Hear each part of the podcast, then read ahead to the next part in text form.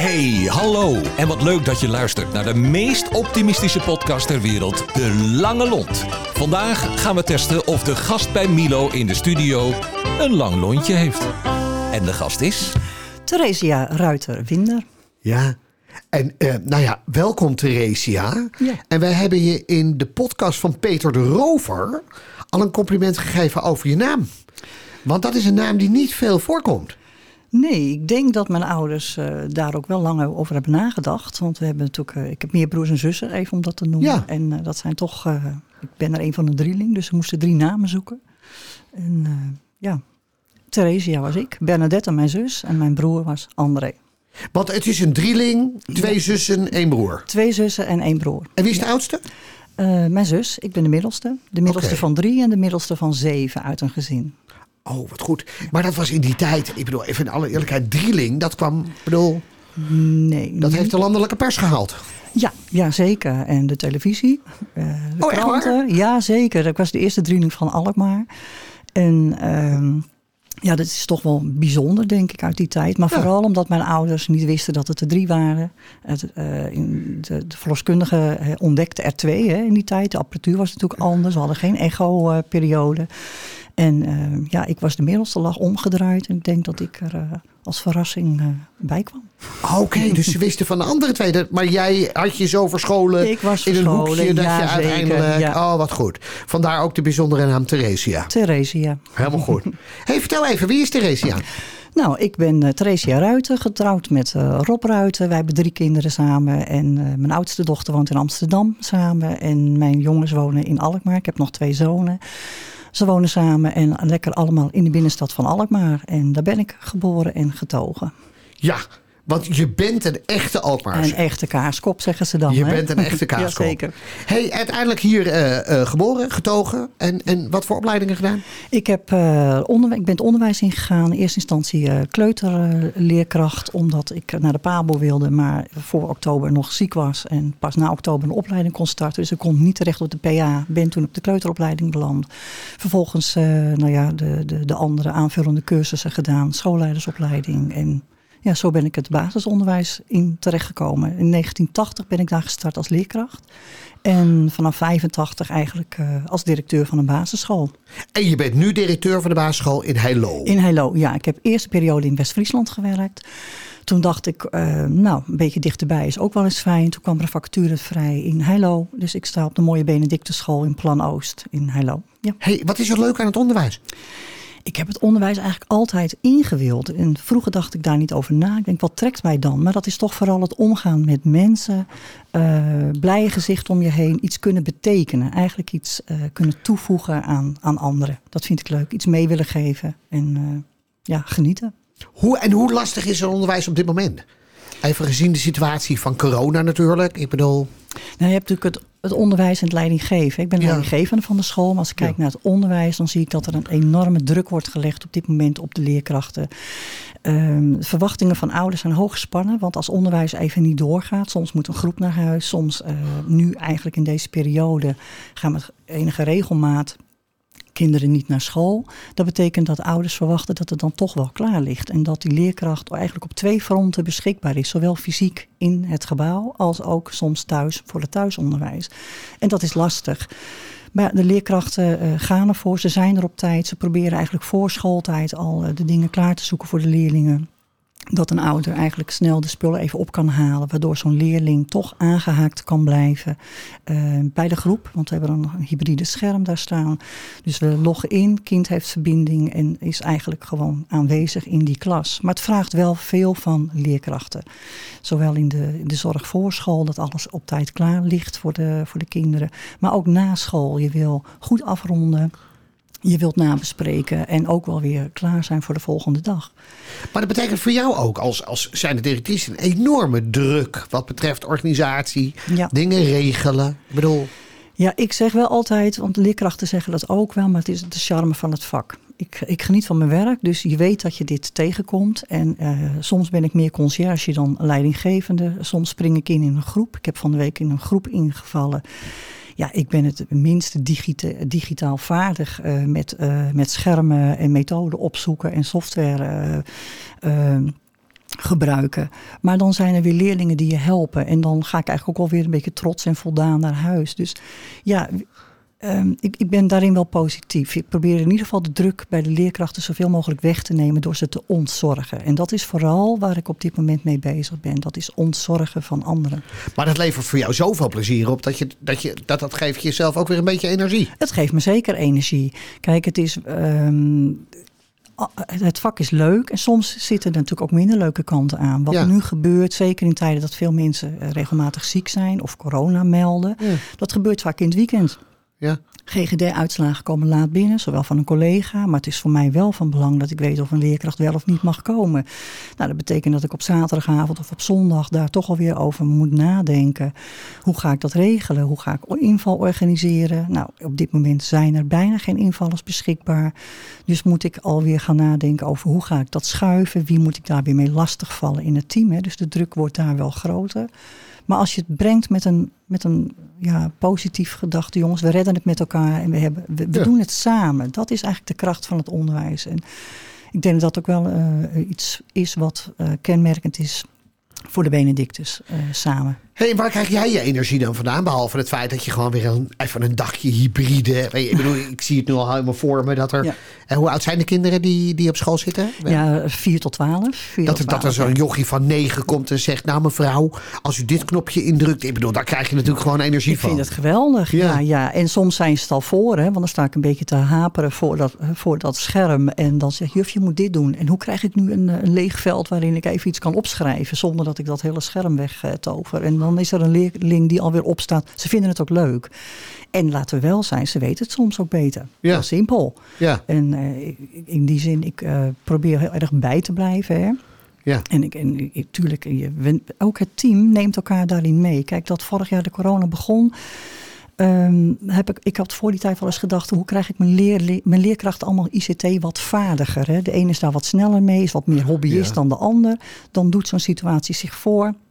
En dan merk je dat we de bereidheid hebben met elkaar om elkaar bij de hand te nemen en met elkaar en van elkaar te leren. En dat is heel mooi. Ja. We hebben ook gezegd, we gaan niet met één hobbyist naar buiten van kijk eens hoe goed het geregeld is in een bepaalde groep. Nee, we gaan pas naar buiten als we het met elkaar een gezamenlijke stap maken. En dat, dan geniet je met elkaar, dat je aangehaakt blijft, dat je het samen kunt doen. Maar dat is dan jouw grootste rol. Dat je, met je Ja. als een soort, dat je je veren als het ware Ja. om die groep heen hangt. Zo van jongens bij elkaar. En als er iemand dreigt uit te stappen, dan. Spring ik in, ja. Nou, ik, ik ben, ik zeg wel, ik ben een beetje een bindmiddel op school. En voor mij is, is een eh, heel belangrijk woord is gewoon de verbinding. Zorg dat je je voelsprieten uit hebt. En dat je signaleert. Ik kijk veel, ik observeer veel om te zien van wat, wat houdt mensen bezig. Wat zie ik daar, een lach of een traan of zie ik een beetje een eh, vervelend gezicht. En dan, dan eh, wil je ook de vraag stellen aan. Wat is er aan de hand en wat zie ik bij jou? Ik sta, ja, Maar daar, daar is het nu een enorme mooie tijd voor. Ik bedoel, hoe raar het ook klinkt, dat hoor je bij hele velen. Is dat in, in een tijd zonder corona zijn we veel meer bezig met visiedocumenten. Ja, en documenten, met, documenten. En, weet je, Ja, en ja, vergaderen en meetings en overleggen. Terwijl je nu min of meer verplicht wordt om gewoon iedere dag tussen al je collega's te staan. Ja, maar de andere kant is, eh, het is niet zoveel anders dan toen. Want wij eh, zijn niet onnodig aan het vergaderen. Wij hebben een vast moment in de week dat we zeggen, waar gaan we aan werken deze week? Wat is ons speerpunt? Ja. We gaan er niet eindeloos over zitten. We, we nemen elkaar mee. Het is veel effectiever om dat met een bouw bijvoorbeeld te doen. Hè? Want dan maak je stapjes en die Ja. bouwen komen weer samen. En dan zijn wij samen als eenheid in beeld. Ja, zo werken wij op school. Ja, En eh, kijk, het, het mooie van verbinden is dat je. Wat belangrijk is, dat de school zelf is eh, ingericht heel open en transparant. We hebben een nieuwbouw gekregen. We hebben gekozen voor mooie ramen in het gebouw. Heel veel ramen. De leerkrachten staan bij de deur als de kinderen binnenkomen. Maar ik sta bij de buitendeur. En juist die verbinding. Ik zie ieder kind binnenkomen.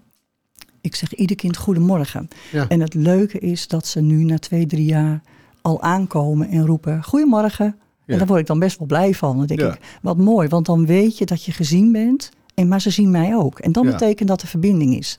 Ja. Dus ik heb eigenlijk heel lang geïnvesteerd in het zeggen van goedemorgen. Ieder kind wat komt. Ik ken ook eigenlijk al, alle namen wel. En het leuke is dat op een step, dan zie ik al die kinderen op die stepjes binnenkomen of aankomen. En dan roepen ze al van verder, goedemorgen juf, goedemorgen juf. Dan is die verbinding er. Zeggen ze juf tegen je? Ja, dan zeggen ze juf. Ja, serieus? Ja, altijd. Ja, ja, ja, ja, Zeg- ja hoor. Ja, oh, wat goed zeg. Wat leuk. Ja hoor, juf Trace. Juf Trace. Ik ben geen Trace, maar dat ga ik maar niet zeggen. Ah, oké. Die oké. naam is net iets te lang. Oké, nou ja, dat zou, ja, zou helemaal zijn als ze die volledige prachtige naam Ja, inderdaad ja, in ieder ja. geval. niet aan. En hoe zit het dan met ouders? Want je merkt die toenemende maat. Je gaf het er net zelf al een beetje aan. Die zijn wat kribbiger. Die zijn wat mondiger. Die, zijn wat, die, die willen wat meer zekerheid. Ik bedoel even. Of gaan die gewoon lekker mee in de sfeer die je probeert te creëren voor de totale school? Ze zijn niet kribbiger, ze zijn eh, bezorgder.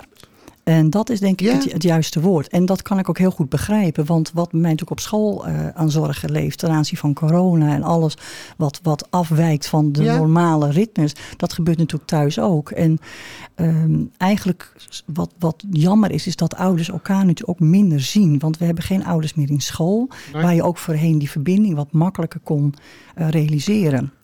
Want ook ouders hebben elkaar nodig voor elkaars kinderen om elkaar ook te zien. Of eens een kind wat nooit bij jou mag spelen, een keertje mee te nemen. En, maar het is uit beeld. Dus wat we proberen is ja, zoveel mogelijk eh, in beeld te blijven bij de ouders door goed te communiceren. We hebben een, een duidelijk eh, systeem waarin we toppetjes sturen naar ouders. We zijn makkelijk bereikbaar. Maar het is natuurlijk niet fysiek. Het, eh, we hebben geen ouders in school. En de andere kant is wat een, een, ja, ook wel weer een positieve bijwerking is dat je nu kinderen naar school krijgt die zelfstandig de school ingaan. Zelfs van klein, hè, van 4 tot, tot, tot 12. Zelf hun jas uittrekken, zelf hun tassen ophangen. Waarvan ik echt dacht van, goh, ze kunnen het. En we- wat moeten al die ouders voor schooltijd? Het is altijd wel leuk en gezellig. Maar eigenlijk ontnemen is ook een stukje zelfstandigheid. Ja? En het leuke nu is dat ik tegen ouders zeg, jullie zijn alle dagen welkom, maar na school. Ja. En ik denk dat we dat er ook inhouden. Ja? Na school heeft een leerkrachttijd. Word je niet eigenlijk al eh, de aandacht weggetrokken hè, voor één eh, kind of één ouder. Terwijl de rest eigenlijk naar binnen wil, want je wilt aan de werk. Dus het is eigenlijk wel een mooie. nou, ik denk dat dat het wel gaat worden straks. Ik vind het wel mooi dat je het inzicht. Hè? Er is een onderzoek geweest in de ouderenzorg eh, met dementerende mensen. Waarin bleek, uiteindelijk achteraf, dat corona één ding had opgeleverd. Namelijk het feit dat, dat kinderen, begeleiders, direct betrokkenen van de bewoners gewoon eigenlijk weg moeten blijven. Omdat dementerende baat hebben bij rust en veel Ja. beter gaan functioneren. Ja. Terwijl we altijd hebben gedacht, ja, nee, maar kinderen moeten op bezoek komen. Die, ik bedoel, eigenlijk zeg jij natuurlijk een klein beetje hetzelfde. hè? Van in de routine, ja, help daarmee. En nu Ja. kom je erachter dat die zelfstandigheid een opbrengst is van zo'n periode. Ja, want eh, je realiseert je nu dat er eigenlijk best wel veel gepamperd wordt. En nogmaals, Ja. dat komt voort uit zorg. Want je wil Ja. op tijd binnen zijn. En hup, ga jij alvast naar binnen. Ik hang je jas wel op. Ik haal die beker er Ja. wel uit. Ik doe jouw lunchtrommel wel in de bak. Maar ze kunnen het zelf. En het leuke is, kinderen gaan elkaar ook helpen. Ja, Want eh, dat zien we nu. En dat was voorheen niet nodig, want dan doen ouders het wel. ja. En ook daarin zie je verbinding tussen kinderen. Dat je iets wil betekenen voor een ander. En Ja. dat is iemand zijn melkbeker op de grond laat vallen en het is een bende. Dat iemand, al- een medeklasgenootje, even de leerkracht haalt. Of mij, want dan kan ik even de dweil, de dweil halen. ja. Maar ehm, ja, het met elkaar. We moeten het met elkaar doen. En oog hebben voor elkaar. Ja. Ja, ik vind het wel mooi. Kijk, nogmaals, het, het grappige, ik denk dat sommige lu- luisteraars daar ook zo over denken. Ik bedoel, dat is al de reden voor uiteindelijk eh, het ontwikkelen van deze podcast. Is dat er, dat er hier een dame voor me zit. Die, hè, dat is voor de luisteraars wel even prettig om te weten. Die echt vol trots haar verhaal zit te doen. Met een enorme glimlach op haar gezicht. Die overigens toen ze binnenkwam echt bloednerveus was. Dat zeg ik er ook gelijk bij. Maar die zenuwen zijn inmiddels compleet verdwenen. Als ik niet oppas, dan, eh, dan nemen ze het straks over. En we hebben nog maar tien minuten, hoor ik net van, eh, van Richard in mijn rechteroor. Is dat we aan de andere kant de afgelopen periodes, met name op televisie, heel veel sceptische verhalen horen over het onderwijs. Ik bedoel, wat, wat is het dat is voor jou aan, aan, aan al je collega's in het land?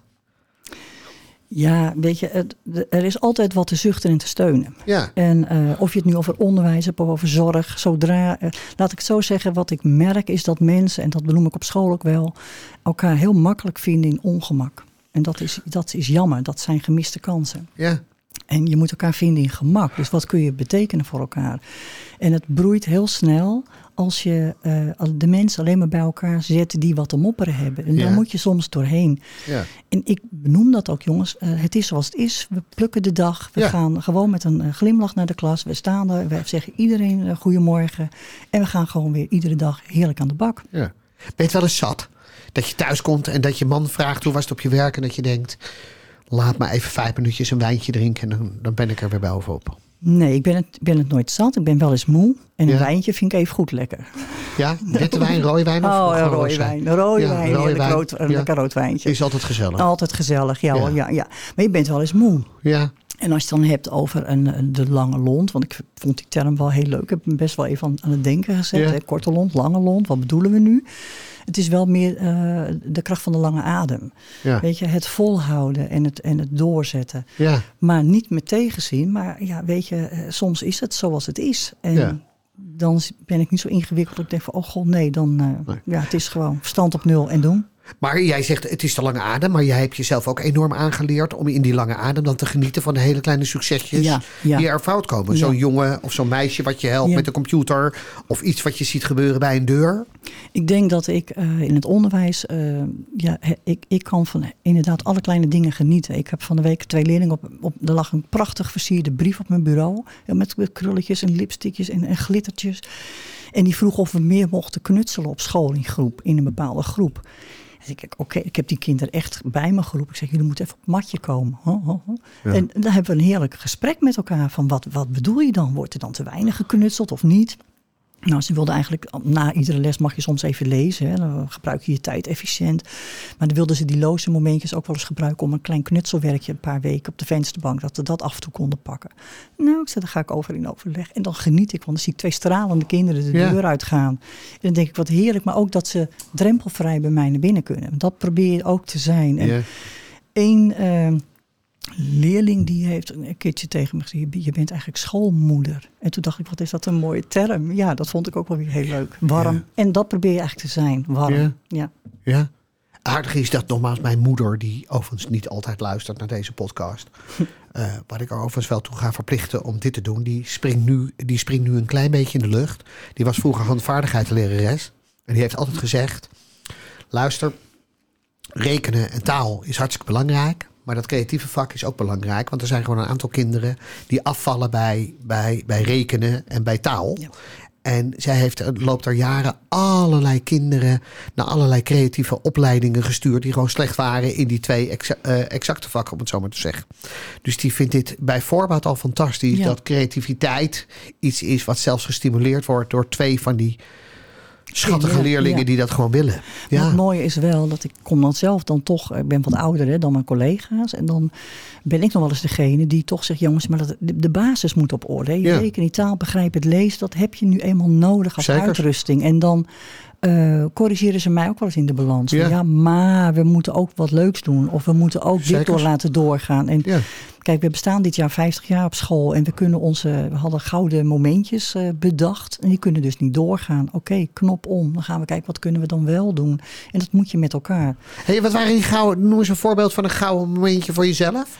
Ehm, dit gewoon afgelopen jaar, eh, goud momentje, goud momentje. Ja, het zijn allemaal gouden momentjes. Ja, Jeetje. Nou, de vlaghijs aan het begin van school, dat dat dan toch kon met een mooie jubileumvlag. En dan oud-leerlingen, oud-ouders die bij ons op school hebben gezeten voorheen. De vorige directeur, ik ben nu 20 jaar in Hello, maar daarvoor eh, was de directeur ook. Die heeft de kleinkinderen weer. Dus we hebben met elkaar in groepjes die allemaal vanuit het verleden betrokken zijn bij school, de vlaggen hezen. En eh, dat zeg ik ook altijd op school. We nemen de, de goede dingen mee uit het verleden. En we richten ons op de toekomst, maar neem mee wat goed is. En dat moet je koesteren. maar dat was een briljant gave dag natuurlijk. Was heel Als je allerlei absoluut. leerlingen ziet die, Ja. die afscheid hebben toen ze twaalf waren, die nu als... Ja, ja, als nu als ouder de school in komen met hun kind. Of eh, ja, inderdaad. Ja. eh, gewoon heel leuk. Ja. Dat is wel mooi. De, de afgelopen week was de nieuwe cd van... eh, God, hoe heet zij ook alweer?